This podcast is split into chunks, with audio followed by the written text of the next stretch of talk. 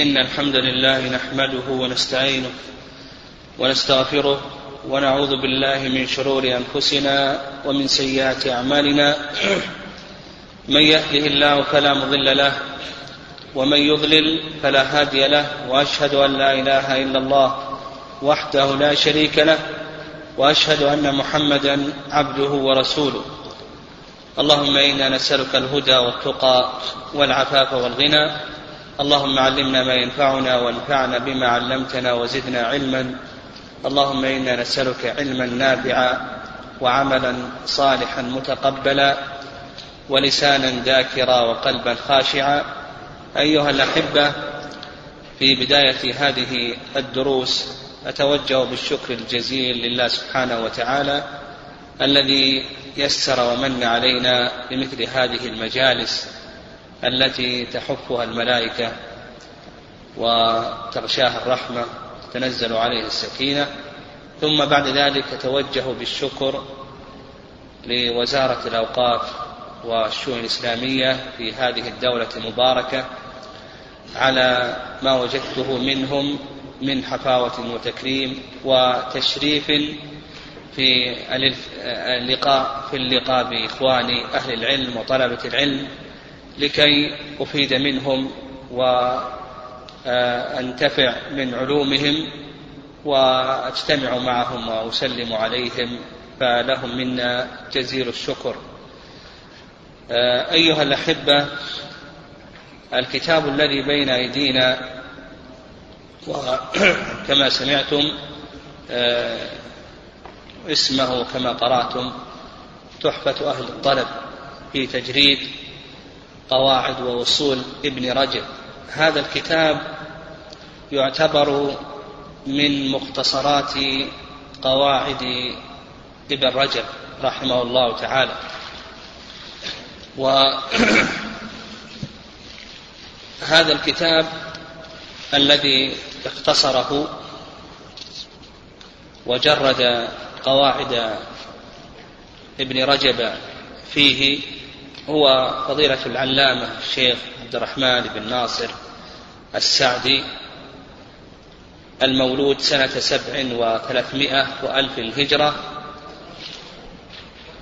بمحافظة عنيزة من منطقة القصيم والمتوفى سنة ست وسبعين وثلاثمائة وألف للهجرة. والشيخ عبد الرحمن رحمه الله جرد هذه القواعد يعني قواعد ابن رجب رحمه الله لخصها وجردها في هذا المختصر الذي بين أيدينا. سنة خمس وثلاثين وثلاثمائة وألف للهجرة.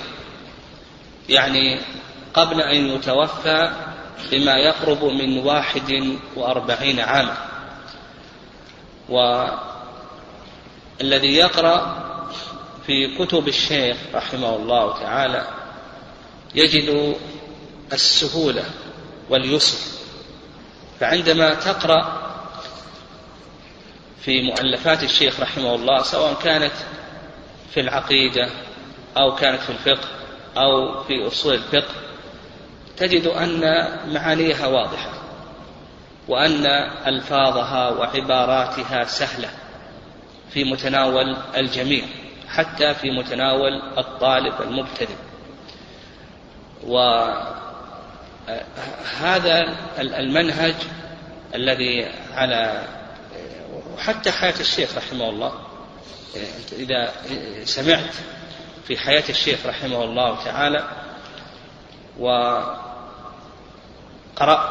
في ترجمته تجد اليسر والسهولة في حياته رحمه الله. هذا المنهج أثر الشيخ رحمه الله فعمد إلى اختصار قواعد ابن رجب رحمه الله لأن قواعد ابن رجب رحمه الله قد لا تتهيأ لطالب العلم المبتدئ يعني قد لا يتمكن من القراءة من القراءة فيها. ابن رجب رحمه الله تعالى يعني الذي يقرأ في قواعد ابن رجب رحمه الله تعالى يجد أنه أمام عالم كبير.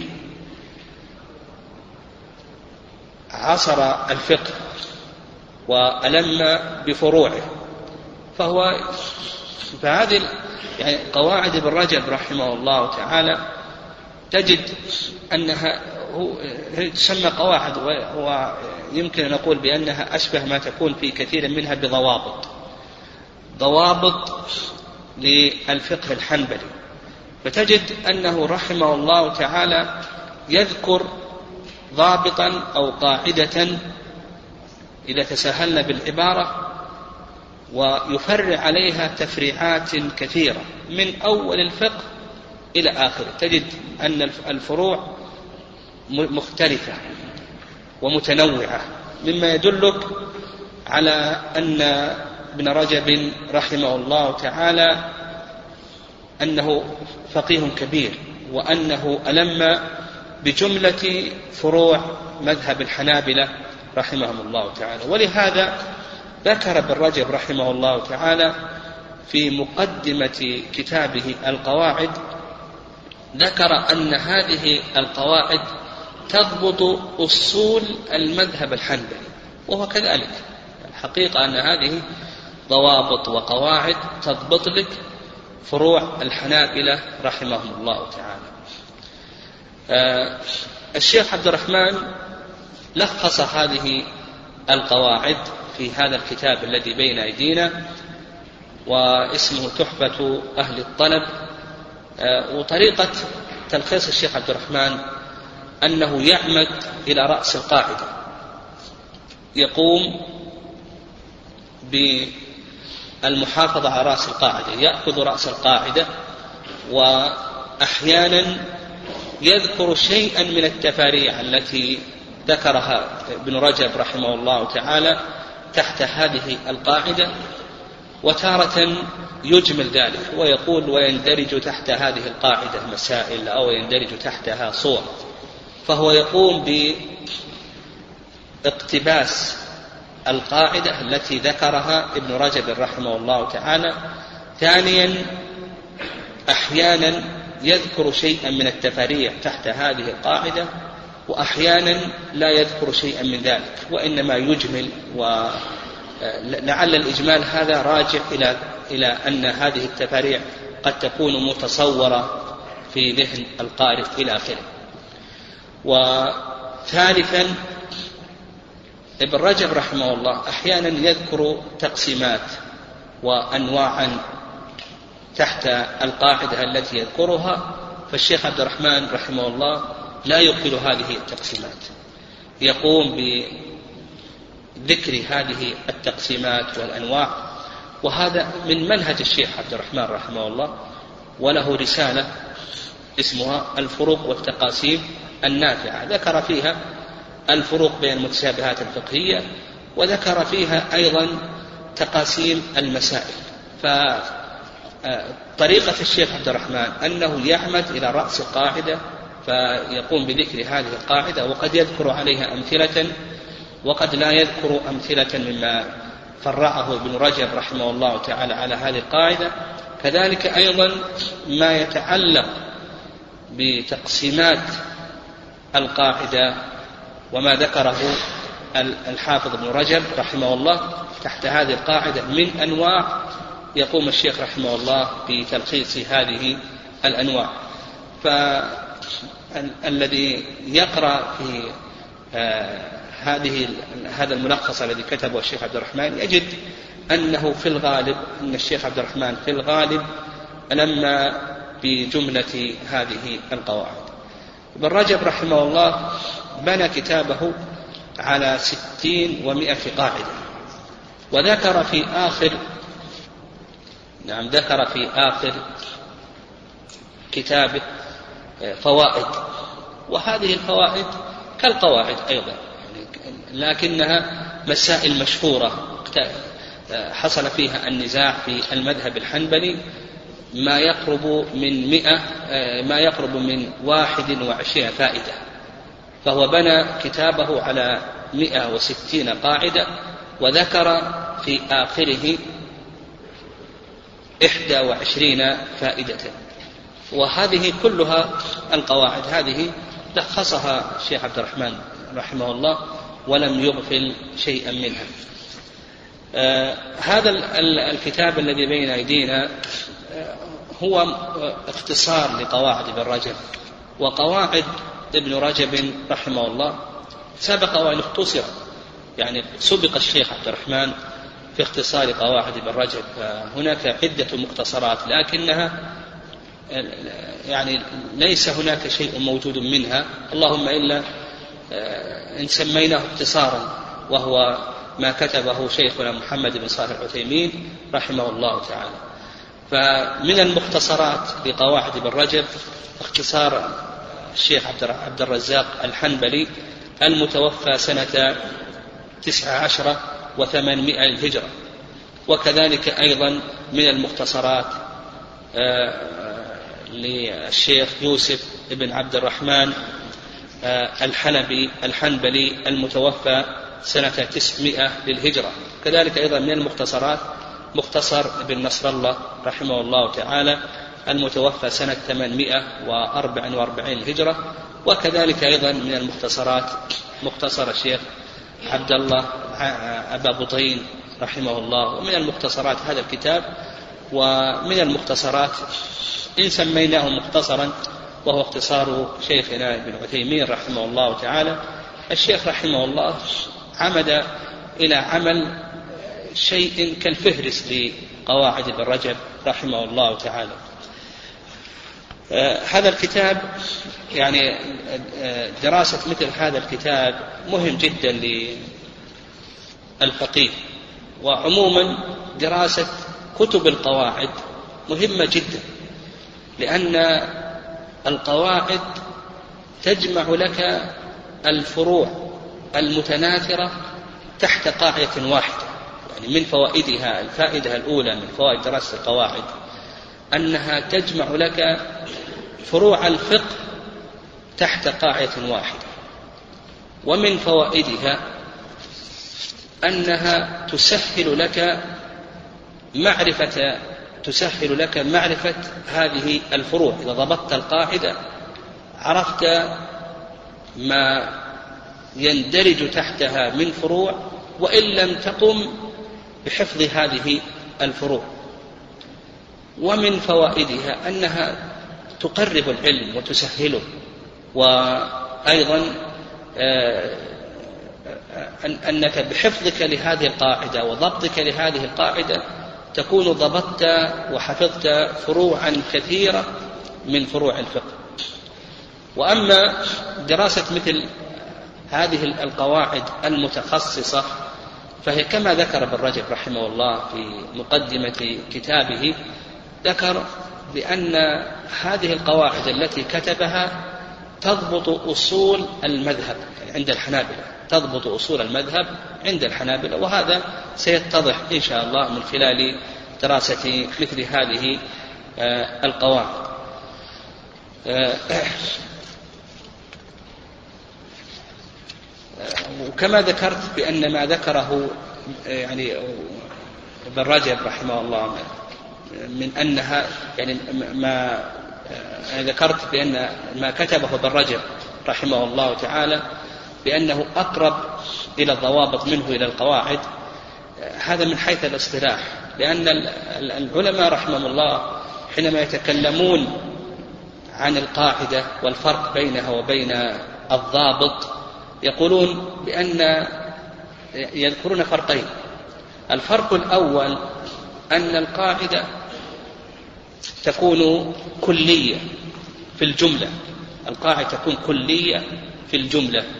بخلاف الضابط. الضابط قد يكون في باب قد يكون في بابين إلى آخره. لكن القاعدة تكون في سائر أبواب الفقه في الجملة. فمثلا قاعدة الأمور بمقاصدها. هذه القاعدة تجدها في العبادات تجدها في المعاملات وتجدها في الأنكحة وتجدها في الحدود والقصاص إلى آخره. لكن قولهم قولهم كل شيء صح بيعه صح رهنه هذا ضابط. وقولهم كل شيء صح بيعه صح قرضه هذا ضابط. وأيضا قولهم من لا فرقة بيده لا أثر نيته. في نكاح التحليل هذا ضابط إلى آخره. الفرق الثاني أن القاعدة متفق عليها عند سائر الفقهاء. الفقهاء يتفقون عليها المذاهب تتفق عليها في الجملة لكن الضابط لا يتفق عليه الفقهاء رحمهم الله بل قد يختلف فيه فقهاء المذهب. يعني فقهاء المذهب الواحد قد يختلفون في الضابط. فمثلا نجد في عند عند الحنفية نجد أن أبا حنيفة رحمه الله تعالى له ضوابط وصاحب أبو يوسف محمد بن حسن رحمهم الله لهم ضوابط أخرى. ولهذا ذكرت بأن هذه القواعد التي ذكرها ابن رجب رحمه الله في أغلبها أشبه ما تكون بالضوابط التي تضبط مذهب أو فروع الحنابلة رحمهم الله تعالى. وهذا في الجملة هذا في الجملة أشبه ما تكون بالضوابط لكن إن سميناها قواعد سميناها بالقواعد فهذا من باب التساهل في العبارة. نعم. آه، يقول المؤلف رحمه الله تعالى في القاعدة الأولى.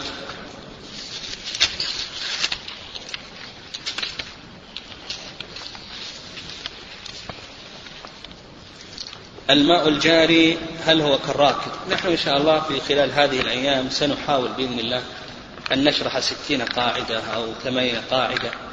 يعني سنجعل شرح الكتاب على مرحلتين لأن الحقيقة أن هذه القواعد تحتاج إلى شيء من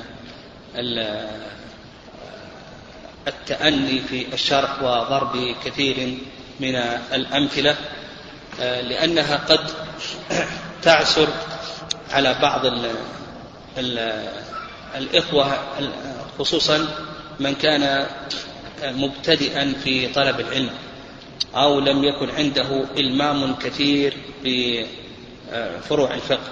القاعدة الأولى الماء الجاري هل هو كالراكد أو كل جرية منه لها حكم الماء المنفرد فيه خلاف في المذهب ينبني عليه مسائل الجاء الماء الجاري عكس الراكد. نعم الماء الجاري عكس الراكد.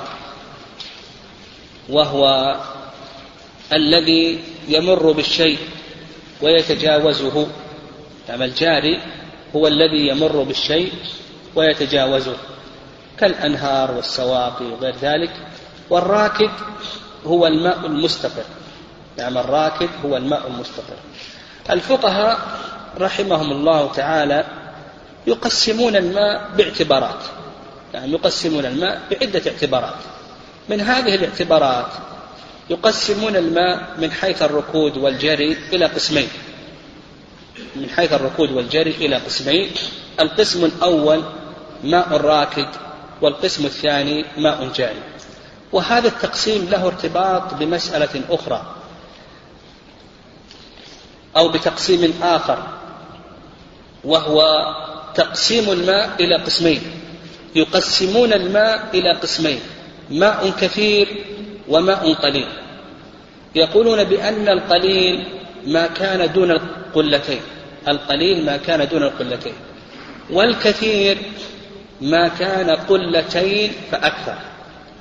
يعني هذا التقسيم الماء الجاري والراكد له ارتباط بتقسيم آخر وهو أنهم يقسمون الماء إلى قسمين ماء قليل وماء كثير. الماء القليل ما كان دون القلتين الماء الكثير ما كان قلتين فأكثر. عندنا الماء الراكد أمره ظاهر. إن كان قليلا يقولون ينجس بمجرد الملاقاة أو يطهر بمجرد الملاقاة يعني يكون طاهرا بمجرد الملاقاة أو يكون نجسا بمجرد الملاقاة يعني إذا كان الماء راكدا إن كان قليلا يعني عندنا ماء راكد قليل وقعت فيه نجاسة يقولون بمجرد الملاقاة ينجس.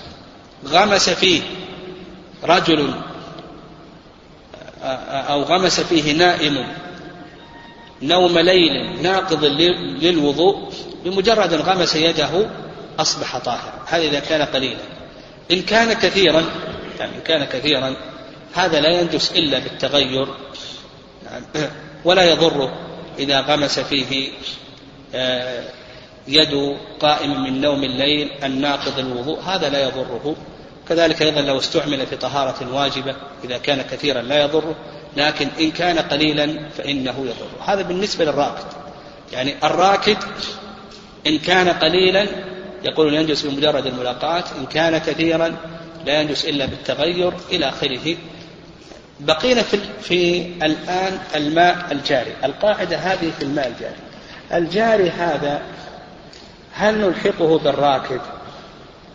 أو نقول بأنه ليس كالراكد قال لك المؤلف رحمه الله تعالى فيه خلاف في المذهب.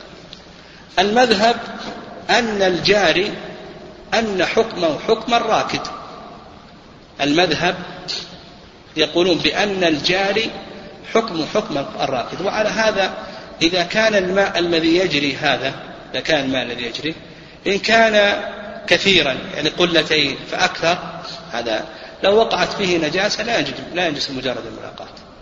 لو آه غمس فيه من قام من نوم الليل الناقض للوضوء يده فإنه لا ينقلب إلى كونه طاهرا. لو استعمل في طهارة واجبة يعني جاء إنسان عليه حدث أكبر وانغمس فيه ثم انفصل عنه فإن هذا لا يضر. ما دام أنه ماذا؟ كثير. يعني ما دام أنه قلتان فأكثر.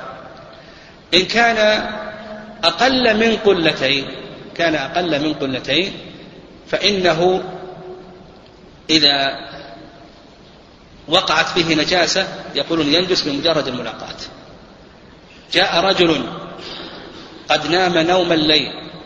أو قام من, من قام من نوم الليل ناقض الوضوء وغمس يده فيه يقول أصبح طاهرا. رجل عليه حاث أكبر فانغمس فيه ثم خرج أصبح الآن طاهرا لأنه استعمل في طهارة واجبة. فالمذهب يقولون بأن الجاري حكم حكم ماذا؟ ها؟ الراكد. إن كان قليلا ها ينجس بماذا؟ بمجرد الملاقاة أيضا غمست فيه يد من قام من نوم الليل ناقض الوضوء يقولون بأنه يكون ماذا؟ طاهرا. استعمل في طهارة واجبة يقولون بأنه طاهر. إن كان كثيرا وقعت فيه نجاسة والكثير كما ذكرنا الضابط عندهم ما هو؟ أن يكون قلتين فأكثر. إن كان كثيرا وقعت فيه نجاسة لا ينجس إلا بأي شيء إلا بالتغير.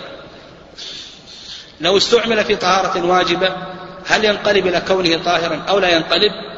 يقولون بأنه لا ينقلب. كذلك أيضا لو كذلك أيضا آه، لو أنه غمست فيه إذا كان كثيرا يد من قام من نوم الليل ناقض الوضوء يقول لا ينقلب إلى كونه طاهر. لو قالت به امرأة عن حدث لطهارة كاملة ما دام أنه كثير يقولون بأن الرجل أو بأنه يرفع حدث الرجل إلى آخره. المهم على المذهب أن الجاري كالراكد يأخذ حكمه وعلى هذا ننظر هل هو قليل هل هو كثير إلى آخره. هذا المذهب والخلاصة فيه. الرأي الثاني في المذهب هو أشار إليه المؤلف رحمه الله قال لك أو كل جرية منه لها حكم الماء المنفرد. الرأي الثاني قالوا لا بأننا لا ننظر إلى مجموع الماء نجعله كالراكد. لا نقول كل جرية كالراكد تأخذ حكم الراكد. يقولون بأن كل جرية ما ننظر على المذهب ينظر إلى مجموع الماء. هنا يقول لا لا ننظر إلى مجموع الماء بل نقول بل نقول بأن كل جرية تأخذ حكم الماء الراكد. كل جرية تأخذ حكم الماء الراكد. طيب وش ضابط الجرية؟ ما هو ضابط الجرية؟ قالوا ضابط الجرية هو ما أحاط بالشيء من فوق وتحت ويمين ويسار وتغيره نعم تغيره لو خالفته. لو خالفته في الطعام خالفته في الرائحة خالفته في الليل تغيره. نعم. الجرية ما هي الجرية؟ يقول الجرية هي ما أحاط بالشيء من فوق ومن تحت ومن يمين ومن يسار. ولو خالفته غيرته هذه الجرية. يعني فإذا كان وعلى هذا ننظر إلى عظم النجاسة وقلة النجاسة. قد يكون عندنا نقطة بول.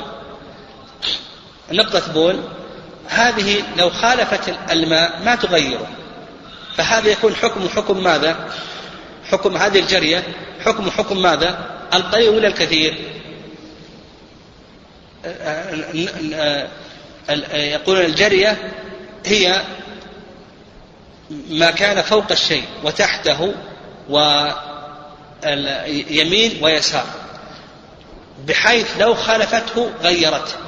ننظر إلى هذه النقطة الآن وقعت نقطة البول إذا وقعت في هذا الماء. هل تغير الماء قليل أو تغير ماء كثير؟ هذه النقطة. لو فرضنا أنها تغير هل تغير ماء قليل أو ماء كثير؟ إن كانت تغير ماء كثيرا يبلغ القلتين فهذا هذه الجرية تكون تكون في حكم الماء الكثير. وإن كانت ما تغير ماء قليلا ماء كثيرا يبلغ القلتين فهذه يأخذ حكم حكم الماء القليل. فيقولون ضابط الجرية هي ما كان فوق الشيء وتحته وعن يمينه وعن يساره لو خالفه لغيره لو خالف الماء لغيره. لكن كيف نعرف إن هذه الجرية قليلة؟ بحيث أنها تندس بمجرد الملاقاة وأنه لو وضع فيها يد قائم من نوم الليل أصبحت أصبح ماء طاهرا إلى آخره كيف نعرف أنها قليلة وكيف نعرف أنها كثيرة؟ نقول لو فرض أن هذه تغير قلتين أصبح كثيرا. لو فرض أنه لا يغير إلا أقل من قلتين فهو ماء قليل. يعني هذا الذي وقع النجاسة الآن وعلى هذا يحتاج أن ننظر إلى كثرة النجاسة وقلة النجاسة. فإذا كانت النجاسة قليلة بحيث أنها نقطة هذه وقعت فإن هذا الماء يكون يكون قليلا في حكم الماء القليل بحيث أنه ينجس بهذه الجرية نجست بمجرد الملاقاة لو وضع فيها يد من قام من نوم الليل نقض الوضوء أصبح طاهرا إلى آخره. لو أن الإنسان انغمس فيه انغمس فيه ثم خرج من حيث أكبر انغمس في هذه الجرية ثم خرج من حيث أكبر إلى آخره أصبح طاهرا مستعملا إلى آخره. أما لو عظمت النجاسة أصبحت أنها تغير قلتين فأكثر فإن هذه الجرية آه، تكون في حكم الماء الكثير الذي لا يتأثر بالنجاسة ولا يتأثر بشيء يقربه إلى ماء طاهر. فالخلاصة في هذا الخلاصة في هذه القاعدة أنهم يقولون أن الماء كالراكد فيما يتعلق بأحكامه القليل والكثير إلى آخره ومتى ينجس ومتى لا ينجس إلى آخره. لكن على الرأي الثاني يقولون لا لا ننظر إلى مجموع الماء وإنما ننظر إلى كل جرية بحسبها وعلى هذا الجرية هي يقولون ما كان فوق الشيء وتحته وعن يمينه ويساره ويغيره لو خالفه يغيره لو خالفه. وعلى هذا إذا كانت على هذا يترتب علينا كبر النجاسة وصغر النجاسة. إذا كانت النجاسة يسيرة بحيث أنها لا تغير إلا أقل من قلتين فهذا في حكم القليل. وإن كانت كثيرة مثل وقع كلب إلى آخره بحيث أنه يغير قلتين فأكثر هذا يكون في حكم الكثير. يقول المؤلف رحمه الله القاعدة الثانية شعر الحيوان حكمه حكم المنفصل عنه لا في حكم المتصل وكذلك الظفر هذا هو جادة المذهب ويتفرع على ذلك مسائل الحيوان المراد بالحيوان كل ما فيه روح سواء كان آدميا أو كان غير آدمي. واعلم أن أجزاء الحيوان تنقسم إلى ثلاثة أقسام. نقول أجزاء الحيوان تنقسم إلى ثلاثة أقسام. القسم الأول الأجزاء المتصلة فهذه لها حكم بقية البدن. نقول القسم الأول الأجزاء المتصلة.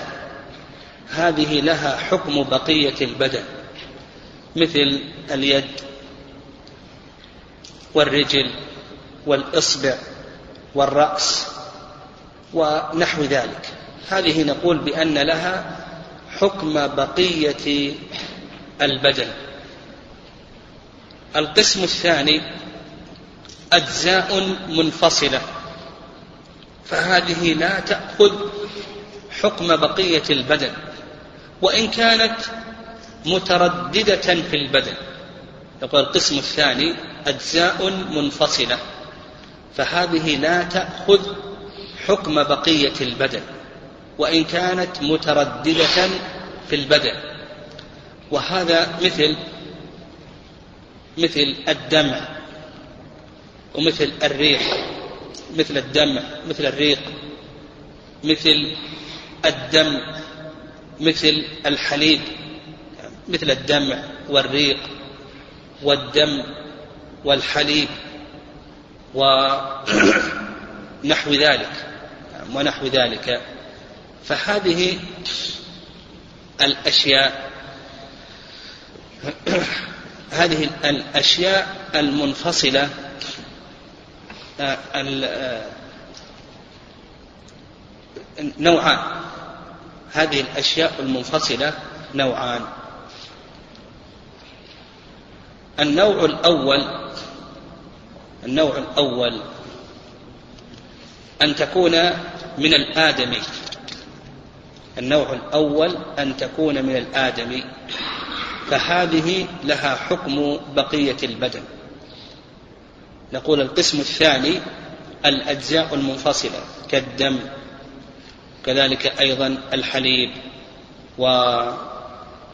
والعرق والدمع ونحو ذلك. هذه أجزاء منفصلة نقول بأنها نوعان. النوع الأول نوع الأول النوع الأول أن تكون من آدم فهذه لها حكم بقية البدن.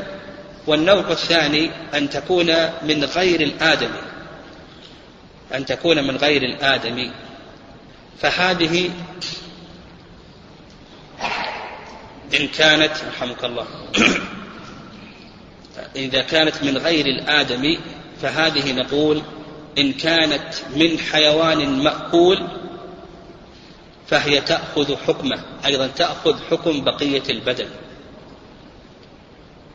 وإن كانت من حيوان غير مأكول فهذه فيها تفصيل سنشير إليه. القسم الثالث القسم الثالث وهو ما أشار إليه المؤلف رحمه الله تعالى الأجزاء المتصلة لكنها في حكم المنفصل.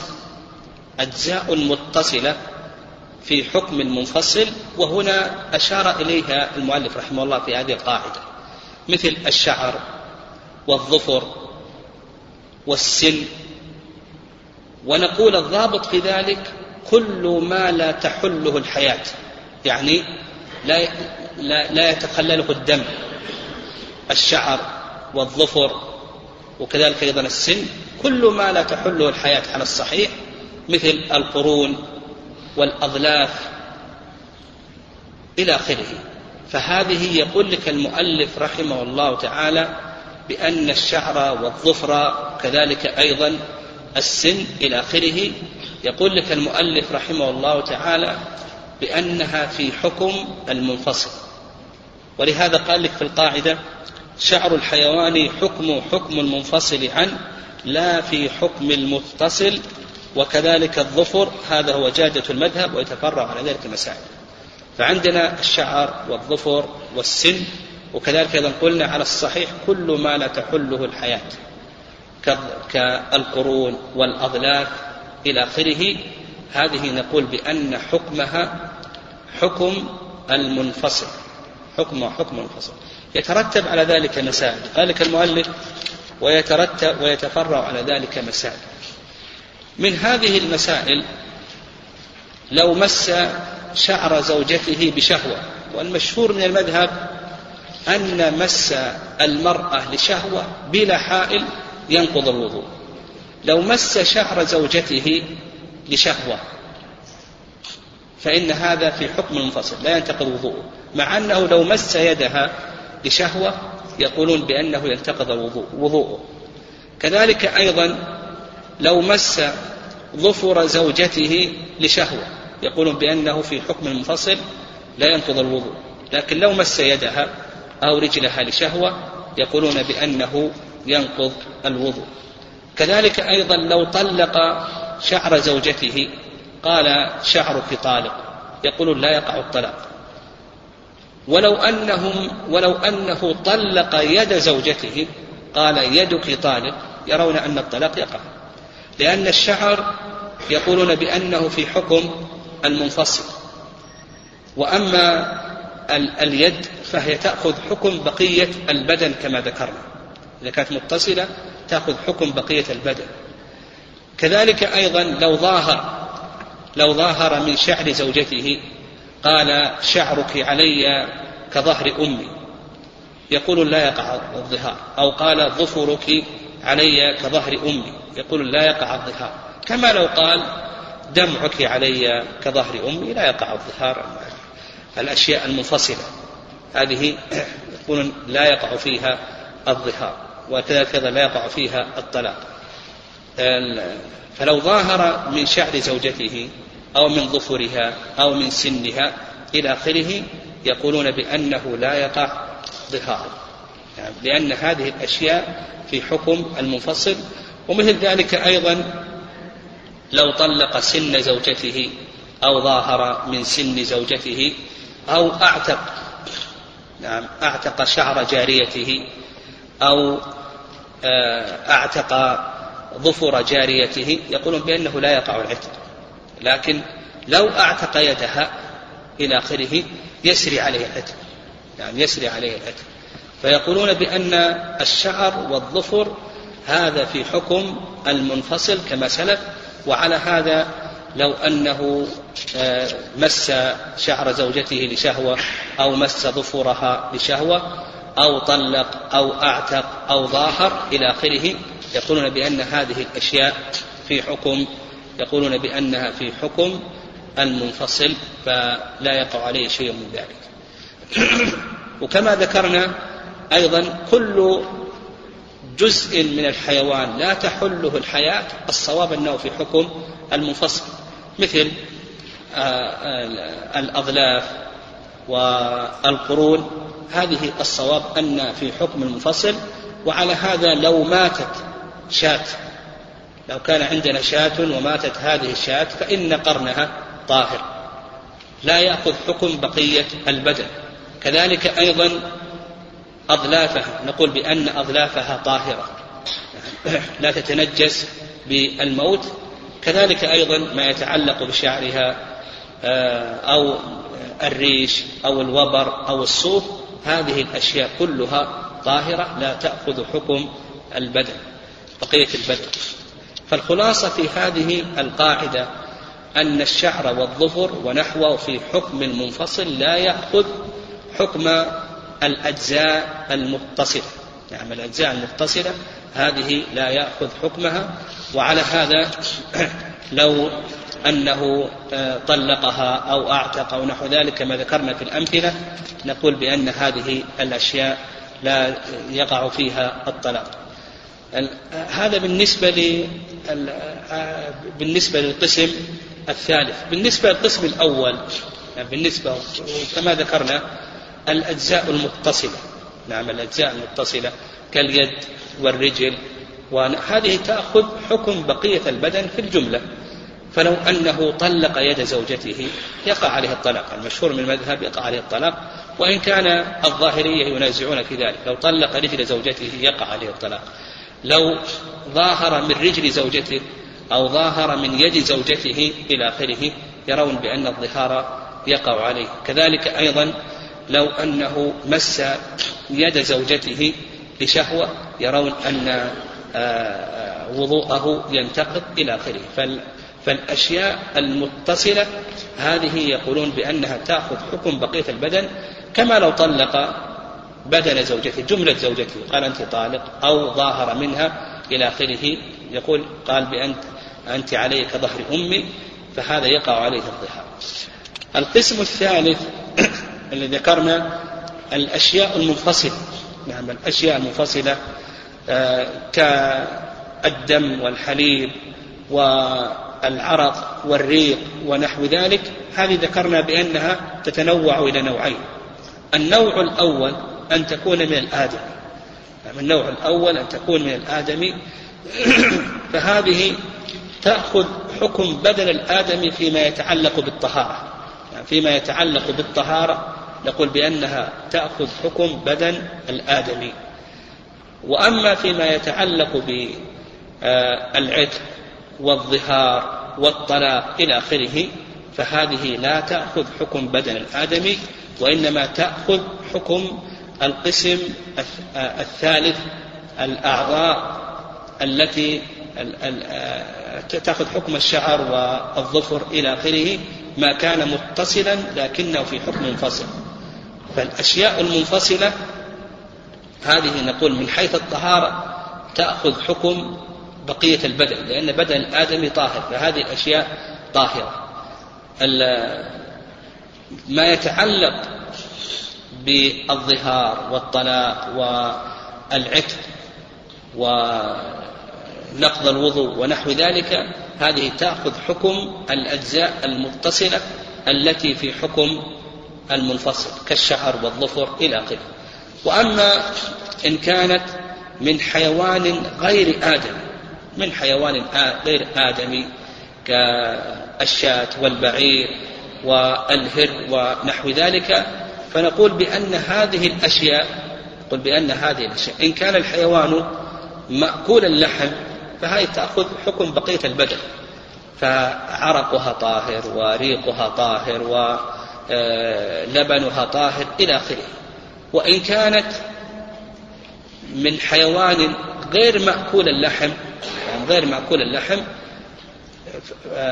فهذه نقول حكمها أيضا حكم بقية البدن تكون نجسة إلا إن كان الحيوان طاهرا فإنه يستثنى من ذلك آه، العرق وكذلك أيضا آه، الريق والدمع يعني العرق والريق والدمع فهذه طاهرة.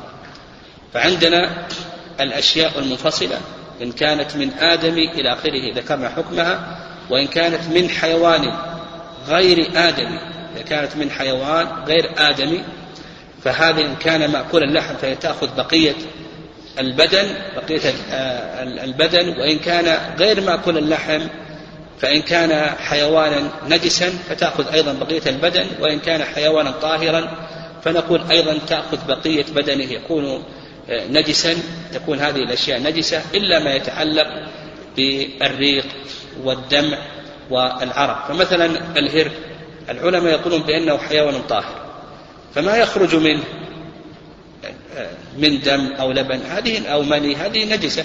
لكن ما يتعلق بريقه ما يتعلق بعرقه وما يتعلق بدم هذا طاهر. مثل أيضا الحمار الأشياء التي يشق التحرز عنها هذه حيوانات طاهرة. يعني ما يتعلق بريقه ما يتعلق بدمعه وما يتعلق بعرقه يقول بأنها طاهرة.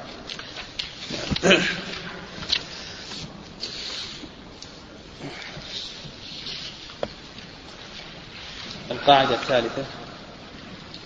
قال الله تعالى القاعدة الثالثة من وجب عليه العبادة هل يوصف هل يوصف الكل الزيادة متميزه منفصله فلا إشكال نفي في في وأما لم تكن متميزة ففيه وجهان في أصول الفقه وينبني عليها نعم القاعدة الثالثة معنى هذه القاعدة يقول لك المؤلف من وجب عليه عبادة فأتى بما لو اقتصر على دونه لأجزى هل يوصف هل يوصف الكل بالوجوب أو قدر الإجزاء منه؟ معنى هذه القاعدة الزيادة على الواجب لا توصف بالواجب. الزيادة على الواجب لا توصف بالواجب. الزيادة على الواجب تنقسم إلى قسمين. يعني لو أن الإنسان وجبت عليه عبادة فأتى بهذه العبادة وبزيادة على هذه العبادة. هذه العبادة الزائدة التي زادها هل توصف بالوجوب هل توصف بأنها واجبة أو لا توصف بالوجوب؟ يعني بمعنى أنها واجبة. نقول بأن هذه الزيادة تنقسم إلى قسمين. القسم الأول أن تكون الزيادة منفصلة. أن تكون الزيادة منفصلة. فهذه الزيادة المنفصلة لا توصف بالوجوب. إذا كانت منفصلة نقول لا توصف بالوجوب. من أمثلة ذلك الواجب في زكاة الفطر صاع. فهذا الرجل أخرج صاعين. نقول الواجب هو الصاع الأول وأما الصاع الثاني فليس واجبا. بمعنى لا يوصف بالوجوب وإنما هو نفل. وش يترتب على ذلك؟ والآن أخرج وانتهى. يترتب على ذلك الأجر عند الله سبحانه وتعالى. إذا قلنا بأن الصاعين يوصفان بالوجوب فأجرهما سواء. وإذا قلنا بأن الصاع الثاني لا يوصف بالوجوب الصاع الثاني لا يوصف بالوجوب فأجره أقل من أجر الصاع الأول. ومن الأمثلة على ذلك الركوع الواجب فيه تسبيحة واحدة. فإذا سبح تسبيحتين أو سبح ثلاث تسبيحات فنقول التسبيحة الثانية نفل والتسبيحة الثالثة نفل ليست واجبة. أيضا من أمثلة هذه القاعدة من أمثلة هذه القاعدة الوضوء إذا توضأ. الغسلة الأولى للأعضاء هذه واجبة. الغسلة الثانية هذه ليست واجبة. وإنما هي نفل كذلك أيضا من أمثلة ذلك إذا كان عنده خمس من الإبل يجب عليه شاة واحدة فإذا أخرج شاتين فالشاة الثانية هذه نفل لا نصفها بالوجوب وإنما نقول بأنها نفل هذا القسم الأول وهي ما إذا كانت الزيادة منفصلة. القسم الثاني أن تكون الزيادة متصلة. يعني القسم الثاني أن تكون الزيادة متصلة. فهذه ذكر آه، ابن رجب آه، الشيخ السعدي رحمه الله أن فيها وجهين إذا كانت الزيادة متصلة. يعني هل توصف بالوجوب أو لا توصف بالوجوب؟ هذا موضع خلاف. والصواب أنها حتى ولو كانت الزيادة متصلة نقول بأنها لا توصف بالوجوب. من أمثلة ذلك من أمثلة ذلك هذا رجل فعل محظورا من محظورات الإحرام أو ترك واجبا من واجبات الحج. وجب عليه دم الدم سبع بدنة أو سبع بقرة أو ثني معز أو جذع ضر إذا أراد أن أن أن يخرج سبع بدنة. ذبح بدنة كاملة ذبح بدنة. الواجب عليه هو السبع وجاء ذبح بدنة كاملة عن فعله لهذا المحظور. حلق رأسه. وجب عليه سبع بدنه. وذبح بدنة كاملة. الآن هذا الزائد ستة أسفاه هل هذا الزائد واجب أو نقول بأنه ليس واجبا؟ ويقول لك المؤلف رحمه الله فيه وجهان للعلماء رحمهم الله والصواب أن الزائد هذا ليس واجبا وإنما هو نفل. الصواب أن الزائد هذا نفل وليس واجبا. وعلى هذا إذا قلنا بأنه نفل تبقى هذه الستة الأسباع نعم تبقى له أن يتصرف فيها نعم له أن يهبها له أن يبيعها له أن يأكلها ويبقى السبع الذي أخرجه عن فعل هذا المحظور هو الذي لا يجوز له أن يأكل منه. لكن تبقى ستة الأسباع هذه لو أكل منها له أن يتصرف فيها له أن يأكل له أن يهدي له أن يبيع إلى آخره. لا نحكم بأنها نحكم بأنها نفل يعني نحكم بأنها نافلة وله أن يأكل منها. يعني نقول يبيع لا. نعم نقول له أن يأكل منها له أن يتصدق منها لكن آه، بالنسبة للبيع يعني سبق اللسان مني. نقول نفل له أن يأكل له أن يتصدق لكن بالنسبة للسبع الأول هذا ليس له أن يأكل منه لأن هذا فعله آه، جبرا لما حصل منه وما يخرجه يعني الدم الذي يذبحه جبرانا هذا ليس له أن يأكل منه. الدم الذي يذبحه شكرانا كهدي المتعة وهدي القرآن هذا له أن يأكل منه. فنقول هذا النفل له أن يتصرف في في الأكل وله أن يتصرف أيضا في أن يأكل منه وله أن يتصرف أيضا بالصدقة إلى آخره. لكن بالنسبة للسبع الأول هذا ليس له ذلك. وإذا قلنا بأن الكل يوصف بالوجوب فليس له أن يأكل ولا من الستة الأسباع الباقية لأنها تكون أخذت حكم السبع الأول. كذلك أيضا من من مسائل هذه القاعدة القسم الثاني إذا كانت متصلة إذا حلف يعني إذا حلف ألا يخرج أكثر من الواجب. وجب عليه أن يذبح دما. فحلف أنه لا يخرج أكثر من الواجب. مثلا وجب عليه سبع بدنة كما ذكرنا لترك واجب من واجبات الحج. فحلف ألا يخرج أكثر من الواجب. فذبح بدنة. هل يحنث أو لا يحنث. إذا قلنا بأن الزائد نفل لم يحنث. وإن قلنا بأن الزائد واجب نقول بأنه حنث لأنه حلف ألا يخرج أكثر من الواجب. وهنا أخرج أكثر من الواجب. فإذا حلف ألا يخرج أكثر من الواجب وجب عليه مثلا الشاة وجب عليه شاة.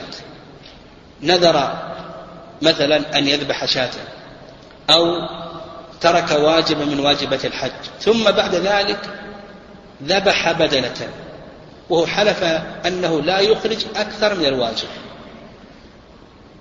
إن قلنا بأن الزائد نفل لم يحنث وإن قلنا بأن الزائد واجب نقول بأنه يحنث يحنث في يمينه نعم. فالخلاصة في هذه القاعدة نعم الخلاصة في هذه القاعدة أن الزيادة على الواجب سواء كان منفصلا أو متصلا أننا لا نحكم عليه بالوجوب وإنما نقول الزائد على الواجب نقول بأنه نفل. نعم. قاعدة رابعة العبادات كلها سواء كانت بدنية أو مالية المركبة منهما لا يجوز تقديمها على سبب تقديمها بعد وقبل أو قبل شرط ويتفرع على ذلك المسائل. نعم القاعدة الرابعة العبادات كلها سواء كانت بدنية أو مالية أو مركبة منهما. قول المؤلف رحمه الله سواء كانت بدنية أو مالية أو مركبة منهما يفيد أن العبادات تنقسم إلى أقسام. القسم الأول عبادات بدنية. القسم الأول عبادات بدنية وهي التي تمحض فيها البدن. والقسم الثاني عبادات مالية وهي التي تمحض فيها المال. والقسم الثالث عبادات بدا مركبة وهي التي لم يتمحض فيها البدن ولا المال. جمعت بين البدن والمال. هذه القاعدة في حكم تقديم العبادة. حكم تقديم العبادة نقول بأنه ينقسم إلى قسمين. نقول تقديم العبادات نقول بأنه ينقسم إلى قسمين. القسم الأول تقديم العبادة على سببها فهذا لا يجزي. يقول القسم الأول تقديم العبادة على سببها نقول بأن هذا غير مجزئ. القسم الثاني تقديم العبادة بعد وجود السبب وقبل شرط الوجوب أو قبل الوجوب وهذا مجزئ. فعندنا القسم الأول وهو تقديم العبادة على سببها نقول بأنه لا يجزئ. مثال ذلك يعني مثال ذلك إنسان أخرج كفارة اليمين قبل أن يحلف. وجد مساكين فأطعمهم عشرة مساكين. عشرة أطعمهم طعام عشرة مساكين. وقال لأنني ربما في يوم من الأيام أحلف وأحنث. فأخرج الآن الكفارة قبل وجود السبب. نقول هنا لا يجزي. ما دام أنه لم يوجد السبب وهو الحلف نقول بأنه لا يجزي. كذلك أيضا لو أن شخصا أعتق رقبة عن كفارة القتل وهو حتى الآن لم يوجد القتل. نقول بأنه لا يجزي كذلك أيضا لو صام شهرين متتابعين عن كفارة الظهار قبل أن يوجد الظهار. قال لأنني ربما في يوم من الأيام أظاهر. لم يوجد الظهار حتى الآن نقول بأنه لا يجزي فتقديم العبادة وكذلك أيضا مثله لو أخرج الزكاة قبل أن يملك النصاب حتى الآن ليس عنده نصاب فأخرج الزكاة قبل أن يملك النصاب فنقول بأن هذا لا يجزي. القسم الثاني أن يخرج العبادة أو أن يعجل العبادة بعد وجود السبب وقبل شرط الوجوب أو قبل الوجوب فهذا يقول لك المؤلف رحمه الله تعالى بأن هذا مجزئ. فمثلا إذا أخرج كفارة القتل بعد الجرح وقبل الزهوق أخرج كفارة القتل يعني هو الآن جرح شخصا ويحتمل أن يموت فذهب واعتق رقبة فنقول بأن هذا جائز لأن السبب موجود وهو الجرح. كذلك أيضا لو أخرج كفارة اليمين قبل الحنث قبل أن يحنث. الحنث هو أن يفعل ما حلف على تركه أو أن يترك ما حلف على فعله. فقبل أن يحنث أخرج كفارة اليمين. نقول بأن هذا جائز ويسميه العلماء رحمهم الله تحلة. يعني كونك تخرج الكفارة قبل الحنث هذا تحلة. يا أيها النبي لم تحرم ما أحل الله لك تبتغي مرضات أزواجك والله غفور رحيم. قد فرض الله لكم تحلة أيمانكم. والله مولاكم وهو العليم الحكيم. ومن أمثلة ذلك أيضا ما إذا عجل الزكاة بعد وجود النصاب وقبل حولان الحول. أخرج الزكاة بعد وجود النصاب وقبل حولان الحول. نقول أيضا بأن هذا جائز ولا بأس به. فإذا كان ذلك بعد وجود السبب وقبل شرط الوجوب أو قبل الوجوب فهذا نقول بأنه جائز ولا بأس به. نعم من أجل العبادة قبل وقت الوجوب ثم جاء وقت الوجوب فقد تغير الحال بحيث لو فعل المعجل في وقت الوجوب لم يمسك فهل يمسك أم لا؟ هذا على قصرين نفس العبادة بأن وقت أن الواجب غير معجل ولذلك صور والقسم الثاني أن يتبين الخلل في العبادة والصحيح أنه على ذلك نعم القاعدة الخامسة يقول المؤلف رحمه الله من عجل عبادة قبل وقت الوجوب ثم جاء وقت الوجوب وقد تغير الحال.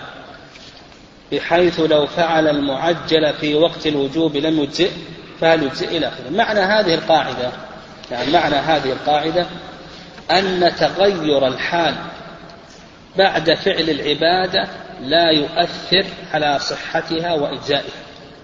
نقول معنى هذه القاعدة أن تغير الحال بعد فعل العبادة لا يؤثر على صحتها وفعلها بعد فعل العبادة المعجلة لا يؤثر على صحتها وإجزائها. لأنه مأذون له في التعجيل.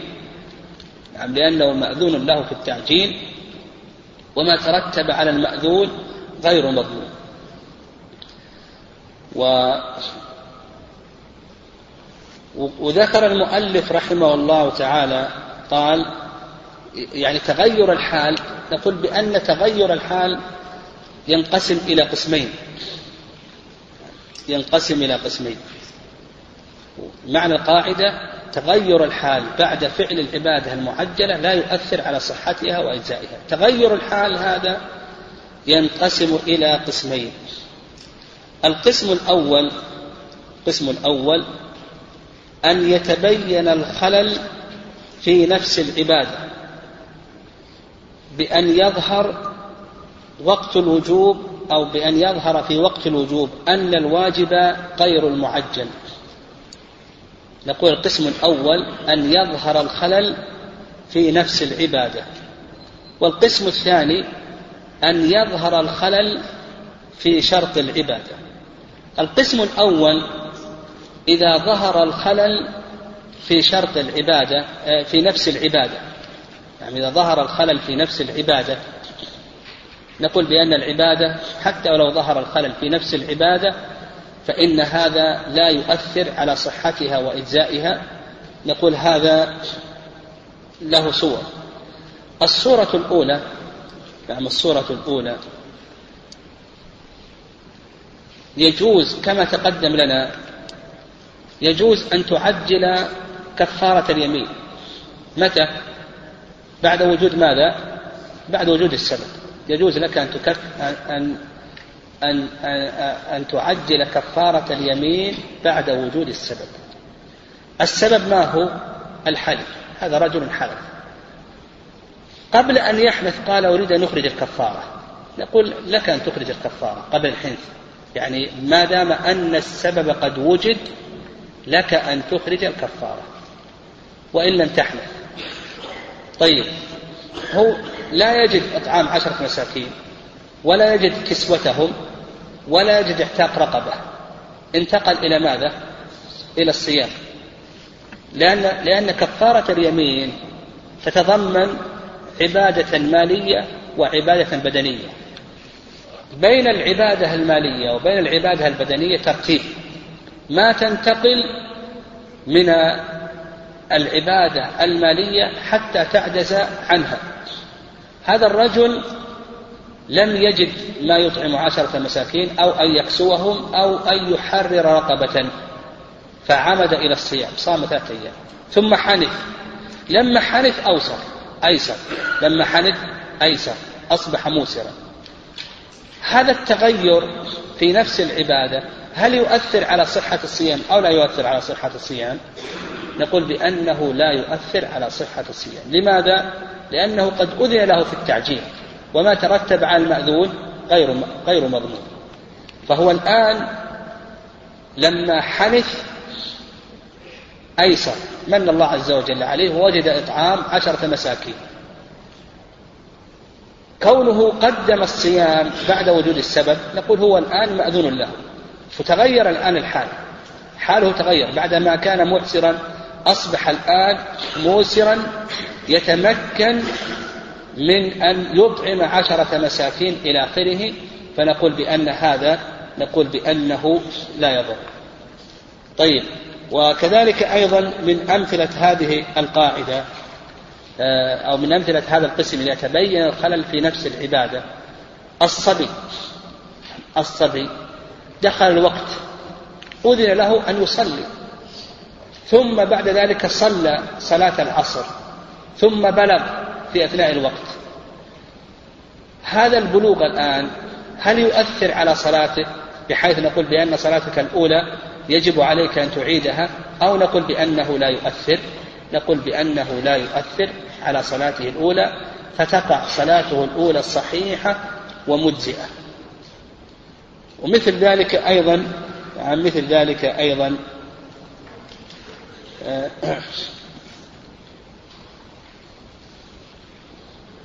مثل ذلك أيضا إلى آخره. القسم الثاني أن يتبين الخلل في شرط العبادة. يعني إذا تبين الخلل في شرط العبادة. أيضا نقول بأنه لا يؤثر على صحة العبادة وإجزائها. مثال ذلك مثال ذلك رجل تصدق بصدقته المفروضة على فقير. قبل أن يحول الحول. الإنسان له أن يعجل زكاته. له أن يعجل الزكاة. نعم له أن يعجل الزكاة لعام أو عامين. عجل الزكاة قبل أن يحول الحول. أعطاها فقير. بعد أن حال الحول اغتنى هذا الفقير. هل نقول بأن الزكاة هنا الآن مجزئة؟ أو نقول بأن الزكاة هنا ليست مجزئة؟ نقول الخلل إذا تبين الخلل لشرط العبادة لأن شرط العبادة أن تقع الزكاة في يد فقير. فهل هذا لا يجزئه أو نقول بأنه يجزئه نقول بأنه يجزئه لما ذكرنا من الدليل أنه قد أذن له في التعجيل وما ترتب على المأذون غير مضمون. كذلك أيضا من صور هذه إذا جمع بين الصلاتين هذا مريض جمع بين الصلاتين بتيمم جمع بين الظهر والعصر بتيمم. ثم بعد ذلك جاء وقت العصر. وقد وجد الماء. جاء وقت العصر وقد وجد الماء. هل نقول بأن صلاة العصر ليست صحيحة لأن الماء وجد في وقتها؟ أو نقول بأن صلاة العصر وقعت مجزية وقعت صحيحة؟ نقول بأن صلاة العصر وقعت مجزية وقعت صحيحة لما ذكرنا من الدليل أنه أذن له في التعجيل. وما دام أنه أذن له في التعجيل فما ترتب على المأذون نقول بأنه غير مضمون. ومثل ذلك أيضا لو أنه جمع بين الصلاتين في السفر جمع بين الصلاتين في السفر وقصر الظهر والعصر ثم بعد ذلك دخل بلده. وفي الظهر الآن. جمع بين الظهر والعصر جمعا وقصرا. ثم بعد ذلك دخل بلده قبل دخول وقت العصر. فدخل عليه وقت العصر وهو غير مسافر. هل نقول بأن صلاة العصر التي وقعت مقصورة في وقت الظهر هل هي مجزئة أو ليست مجزئة؟ نقول بأنها مجزئة لما تقدم أنه قد أذن له في التعجيل والقصر وكون دخل عليه وقت العصر وهي آه، وهو لا يباح له القصر هذا لا يقل بالعبادة لأنه قد أذن له في القصر وأذن له في الجنة. فالخلاصة في هذه القاعدة أن تغير الحال بعد فعل العبادة المعجلة سواء كان لخلل في العبادة أو لخلل في شرط العبادة أنه لا يؤثر على الصحة. هذا الخلاصة. الخلاصة أن تغير الحال بعد فعل العبادة المعجلة سواء لخلل في العبادة أو لخلل في شرط العبادة أنه لا يؤثر على صحتها. والدليل على ذلك كما أسلفنا أنه قد أذن له وما ترتب على المأذون غير مقبول